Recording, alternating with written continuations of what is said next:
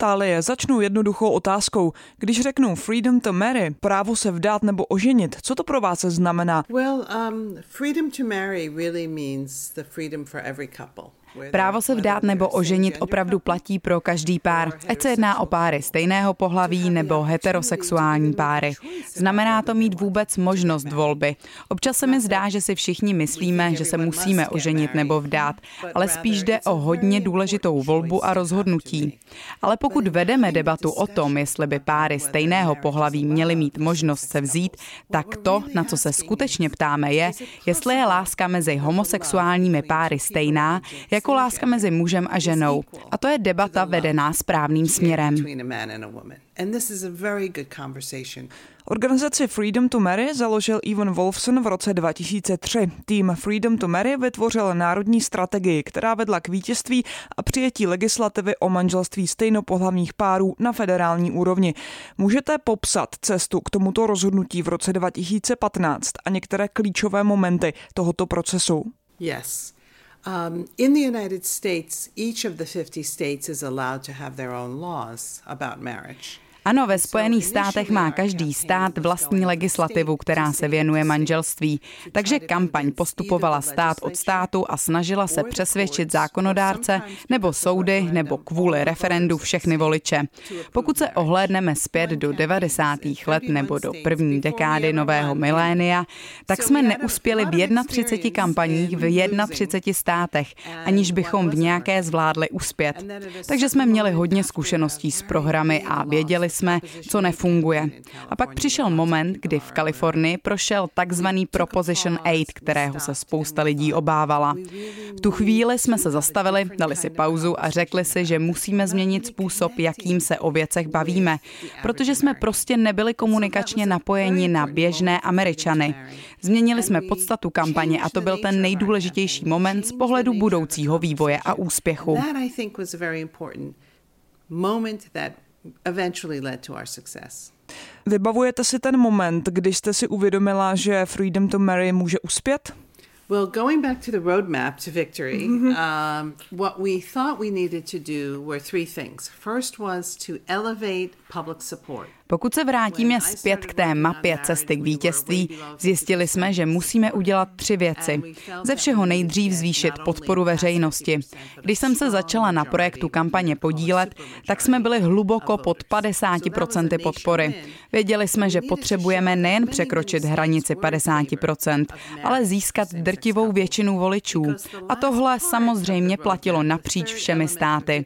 Za druhé, věděli jsme, že musíme získat na svoji stranu kritický velký počet států. Nevěděli jsme přesně, kolik jich je, ale potřebovali jsme prostě ukázat, že mnoho států je pro manželství. A to proto, a to je poslední element cesty, že šlo o legislativu na národní úrovni, kterou se zabývá buď kongres nebo nejvyšší soud. Z předchozích případů jsme věděli, že tohle bude nejspíš téma pro nejvyšší soud.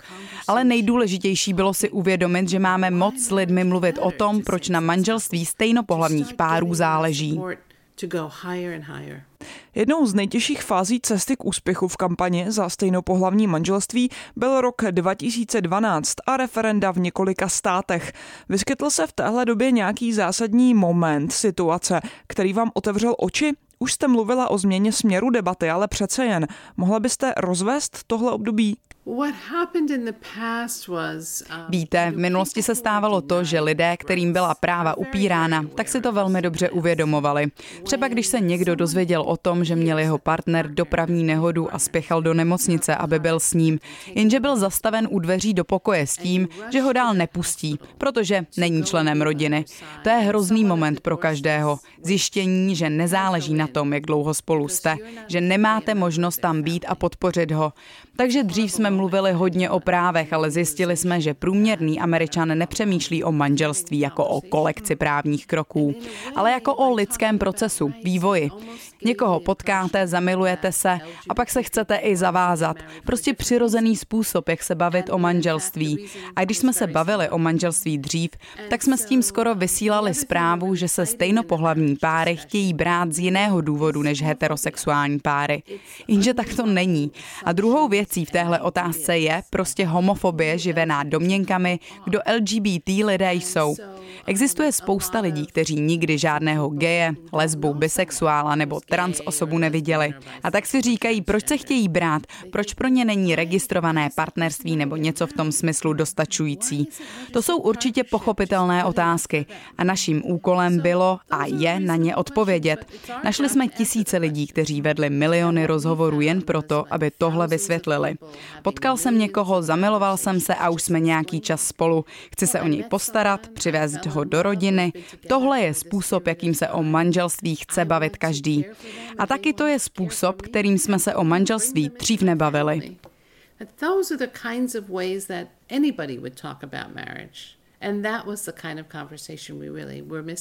Našla byste příklad nějakého státu, kde bylo extra obtížné tenhle proces, postup, který jste popsala, aplikovat? Generally what we found was that younger people were more supportive than older people. Obecně jsme věděli, že mladí lidé budou víc nakloněni podpoře než starší lidé, ženy budou trošku vstřícnější než muži a že méně věřící lidé se o to téma nebudou tolik zajímat jako lidé, kteří pravidelně chodí do kostela. Takže pokud jsme byli ve státě, kde lidé chodí pravidelně do kostela, věděli jsme, že budou mít také víc otázek. Samozřejmě jsme byli v místech, kde církev jako celek přímo vystupovala proti stejnopohlavním manželstvím. Názory se lišily církev od církve a místo od místa. Chtěli jsme ukázat, že i mezi věřícími lidmi jsou zástupci obou táborů, tedy těch, kteří jsou proti, ale taky ti, kteří deklarovali, že chtějí oddávat stejnopohlavní páry. Jako u spousty témat napříč americkou společností jsme věděli, že chceme oddělit občanský aspekt tohoto tématu od náboženského. Zkuste být konkrétnější. Vybavujete si nějaký příběh, který vás zaujal? Well, one of the interesting things about America is na Spojených státech je zajímavé to, že jde o hodně rozmanitou společnost, takže jsme v kampani mluvili ke spoustě komunit a tedy i různými jazyky. Vybavuji si jednu situaci v Los Angeles, kde žije hodně hispánců. Bylo to o slunečném víkendu, na náměstí jsme měli stánek, chodilo tam hodně lidí. Zastavil se u nás starší pár hispánců. Mnoho našich dobrovolníků mluví španělsky a první, na co se jich zeptali, bylo, jak dlouho jsou svoji. A oni odpověděli, že přes 50 let. Pak se jich ptali, jestli znají někoho, kdo je gay. Pán rychle vyhrknul, ne, a jeho žena do něj dloubla a říká, počkej, tvůj vnuk je gay, jeho sestřenice Mary Elena je lesba. A on byl dost překvapený a ptal se, vážně? No samozřejmě. A pak jsme se ptali na podporu stejnopohlavních manželství. A ta žena okamžitě říká, že určitě, že chtějí, aby se všechna jejich vnoučata oženila a vdala. Manžel se na ní podíval a pak říká, ano, podporujeme. Takže to byl ten moment zjištění, že homosexuálové nejsou někým jiným, ale mohou být i ve vlastní rodině. A abych byla ještě víc konkrétní, jedna z kampaní se jmenovala Vrať se domů a vyautuj se. Zjistili jsme totiž, že si každý myslí, že LGBT lidé žijí jen ve velkých městech. Možná to v Česku funguje podobně. Jistě, často je to místo, kde se geové a lesby cítí dobře. Ale mnohdy rodiče, příbuzní, známí a podobně, kteří žijí v rodném městě, ani nevědí, že jejich dcera, která se přestěhovala do Prahy, je vlastně lesba. Takže jsme poprosili různé LGBT lidi, kteří s tím neměli problém, aby až se vrátí domů, o svém životě otevřeně promluvili s příbuznými, sousedy, oblíbenou učitelkou ze střední a tak dále. A vysvětlili jim, že jsou třeba už delší dobu ve spokojeném vztahu, že by si dotyčného nebo dotyčnou chtěli jednou vzít a proč je to pro ně důležité. Pokud totiž mluvíte s lidmi, kteří vás dlouhou dobu znají, tak to je ta nejlepší cesta. Jasně, je to něco, co si mnozí musí promyslet, může to být výzva. Asi je dobré o tom nejdřív promluvit s rodiči, ale tohle může udělat každý, kdo vyrostl v menším městě.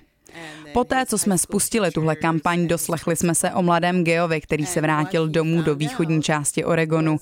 A to je oblast kovbojů, rangerů, pravidelně tam pořádají rodea a tak dále. Všichni tam nosí kovbojské boty, klobouky, no to si umíte představit. Vyautoval se svým rodičům, učitelům ze střední a zjistil, že jeden z party kovbojů, kterého znal a líbil se mu, je taky gay. Nakonec zjistil, že v téhle lokalitě žije spousta gejů, o kterých dříve nevěděl. Vyrůstal osaměle, myslel, že on je ten jediný. Rozhovor s rodiči, kteří si do té doby mysleli, že jejich syn je jediným gejem ve městě, nakonec vedl k tomu, že se propojili s dalšími lidmi a založili takovou malou komunitu. To je krásný příklad přijetí a rodinného souznění, které mezi nimi předtím nebylo that they had not really felt before. V rámci Freedom to Marry se vám podařilo změnit postoj Baracka Obamy, který sňatky stejnopohlavních párů podpořil, ale když nastoupil do úřadu, rozhodně to tak nebylo. Bylo těžké změnit jeho názor. Vím, že jste iniciovali otevřený dopis prezidentovi, pod který se podepsala řada osobností. Kdy a jak přišla ta změna názoru? Barack Obama had said that because of his faith he mm-hmm. felt that um, something like domestic partnership would be okay mm-hmm. for gay people, but not marriage. Šlo o několik vlivů. Barack Obama zpočátku kvůli své víře tvrdil, že něco jako registrované partnerství by bylo OK, ale ne manželství. Zrovna jsme tehdy odstartovali kampaň Pane prezidente, řekněte, že podporujete stejnopohlavní sňatky. A za tu dobu, co byl v Bílém domě, měl mezi zaměstnanci několik lidí, kteří byli gejové nebo lesby. Někteří byli v dlouhotrvajícím vztahu, jiní dokonce vychovávali vychovávali děti. Takže tyhle páry on osobně znal. Jeho dcery se taky ve škole přátelili s dětmi, které byly vychovávány stejnopohlavními rodiči. Takže my jsme dál pokračovali v té petici a mezi tím jsme mu klidně dávali najevo, že hodně lidí přemýšlí o LGBT lidech rovnoceně, jako o lidech, s nimiž by mělo být zacházeno stejně jako s ostatními. A tohle říkáme hodně heterosexuálům. Jestli by chtěli, aby se jejich manželství jmenovalo registrované partnerství, nebo jinak. Většina nechce. Takže jestli je manželství dobré pro vás, bude dobré i pro stejnopohlavní páry. Obama si vším tímhle prošel. Mluvil s dcerami, potkával se s lidmi a přemýšlel o vlastních hodnotách. A změnil názor. Nakonec se stal perfektním příkladem toho, co dělali tisíce Američanů, kteří se potkávali se stejnopohlavními páry, mluvili s nimi, starší generace mluvili s mladšími a měnili názory lidí kolem sebe. Byl to skvělý okamžik, když Obama deklaroval podporu stejnopohlavní legálním manželstvím.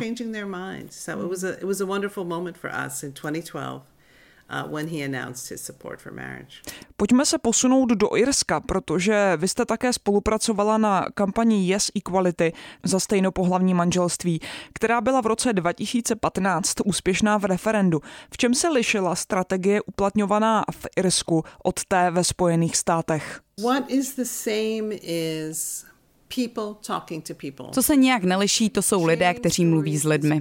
Mluvení a sdílení příběhu je podstatné, boří domněnky a dezinformace.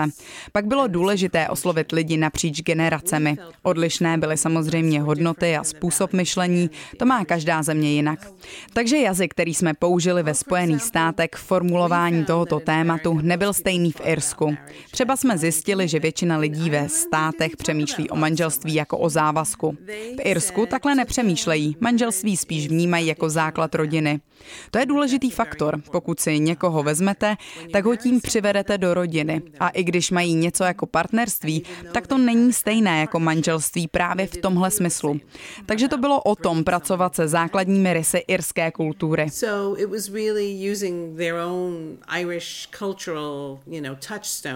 Myslíte si, že je tenhle postoj dán silnými katolickými kořeny v irské společnosti?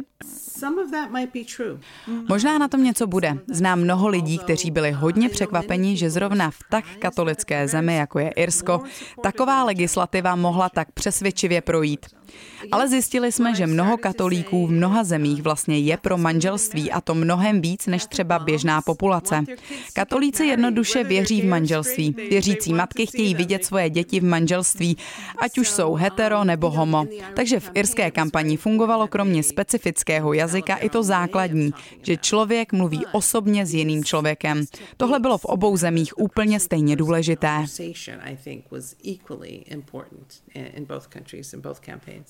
Kromě těchto aktivit jste taky autorkou knihy Women for a Change, A Grassroots Guide to Activism and Politics a taky autorkou dvou cestovatelských knih Průvodců pro ženy. Co byste poradila mladým ženám političkám, které jsou na začátku kariéry?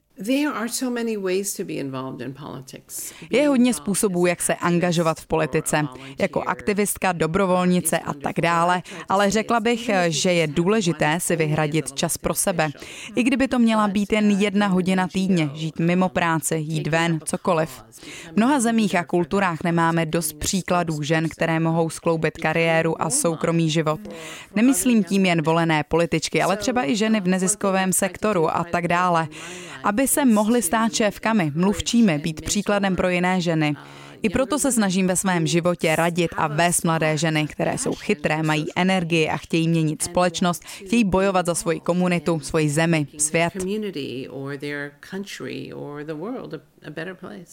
Jak vzniklo to, že jste se rozhodla napsat průvodce pro ženy? Eh, o čem ty knihy jsou a můžete z nich něco zajímavého vypíchnout? At one point in my life, I decided to take a big break, like many people, and I. Stejně jako u spousty lidí, i v mém životě přišel okamžik, kdy jsem se rozhodla dát si pauzu. Zbalila si věci a běla do světa. Dva nebo tři měsíce jsem cestovala s kamarádkou, jenže ta se pak musela vrátit domů a já jsem znervózněla. Nevěděla jsem, jestli budu schopná cestovat sama, jestli budu v bezpečí, ale prostě jsem nějak vědomě pokračovala v cestě do Indie, kde jsem strávila půl roku. Ten strach se časem změnil. Tím, že jsem cestovala sama, jsem potkávala hodně lidí. Měla jsem hodně zážitků, svět jsem vnímala trošku jinak. Samozřejmě jsem byla opatrná, ale myslím, že tyhle strachy, které my ženy máme, nás drží zpátky od spoustu skvělých dobrodružství, která bychom mohli zažít. Můj výlet se nakonec protáhl na 22 měsíců. Bylo to fantastické. Něčem mi to změnilo život. A když jsem se vrátila domů do Portlandu, tak jsem se začala potkávat s rodinou, přáteli. Hodně žen se mě ptalo na rady, typy, jak jsem to zvládla cestovat sama. Zjistila jsem, že jim pomáhaly dvě věci. Vyprávění příběhů, kde jsem byla, co jsem zažila, a pak prostě jen výčet toho, co si vzít sebou. Počase jsem o tom začala mít workshopy a několik lidí mě přesvědčilo, abych napsala knihu. Takže jsem dala dohromady příběhy a doporučení a feministické nakladatelství v Oregonu knihu vydalo. Prodeje překročily za několik let 85 tisíc kopií, takže jde o úspěšnou knihu. A legrační je, že jsem začala dostávat pohlednice od žen, které cestují po celém světě. Píšou o tom, jak je rodina od cestování o samotě zrazovala, ale jak je kniha přesvědčila, jak odešli z práce, zbalili se, koupili si motorku a vyrazili na cesty třeba z Kanady, na jejich Patagonie. Takže jsem se začala dozvídat o mnoha cestovatelkách, což bylo skvělé. Pojďme se vrátit k LGBT komunitě ve Spojených státech. Změnila se nějak nálada LGBT lidí po zvolení Donalda Trumpa prezidentem a jak? Well, I think everyone is feeling uh, upset Myslím, že každý je znepokojený a zdeptaný, cítí zklamání. Řekla bych, že spousta lidí se cítí trapně za to, co náš prezident říká a dělá. Viceprezident Pence má dlouhou historii ve svých anti-LGBT postojích z období, kdy byl guvernérem Indiany. Takže tahle kombinace nahání hrůzu. nejen pro LGBT lidi, ale i pro přistěhovalce, muslimy. Tenhle poplach jde napříč mnoha komunitami. Myslím, že Donald Trump získal mandát od starších a bílých Američanů, kteří byli naštvaní kvůli změnám kolem sebe a související ztrátě privilegovaného postavení ve společnosti. Co je rozhodně pozbuzující od pochodu žen, den po inauguraci až po akce související s podpisem imigračního dekretu, že se lidé sjednocují ne nejen LGBT. Mnoho dalších je v ulicích, vystupují společně a snaží se vzdorovat Trumpově prezidentství. Bojíte se, že je rozhodnutí o sňatcích osob stejného pohlaví v ohrožení, protože už během prezidentské kampaně Donald Trump avizoval, že by rád obměnil složení soudců nejvyššího soudu, a to víc konzervativním směrem.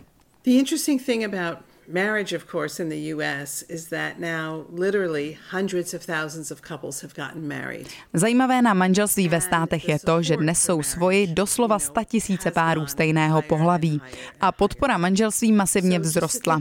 Jen si představte, co by to z hlediska zákonodárství znamenalo zrušit takové množství svazků. Jak by tohle mohlo být vůbec proveditelné? Naši právní experti mají za to, že stejnopohlavní svazky nebudou tím hlavním rozhodnutím nejvyššího soudu, které bude přeskoumáváno. Samozřejmě nikdo si nemůže být jistý tím, co se soud rozhodne udělat, ale vypadá to, že skutečným cílem je zatím legislativa kolem potratů a vůbec možností žen v oblasti reprodukční zdravotní péče. Ale pravdou je, že pokud Trump nominuje soudce, kteří se silně staví proti možnostem žen v oblasti reprodukce, tak tito soudci budou asi také proti LGBT komunitě. Takže pro spoustu pozorovatelů není LGBT komunita a manželství v první linii zájmu, ale jsou tu jiné věci.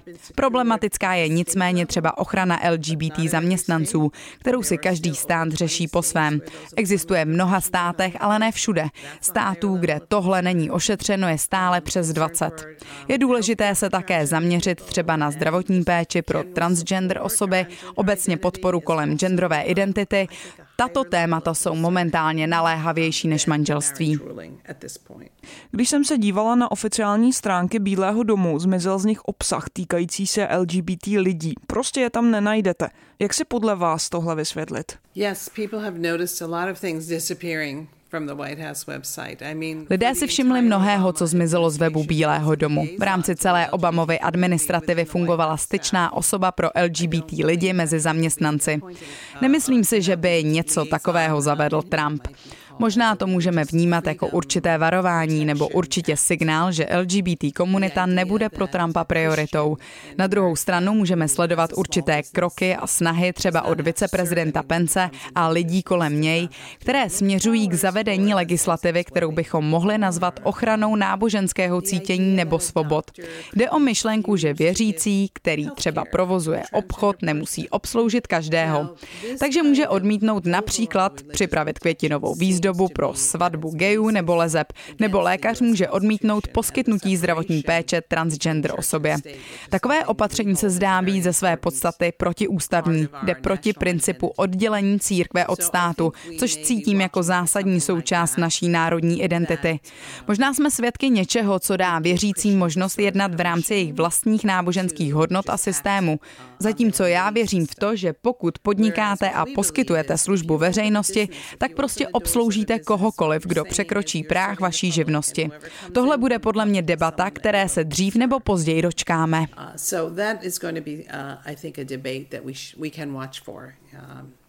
At some point, sooner or later.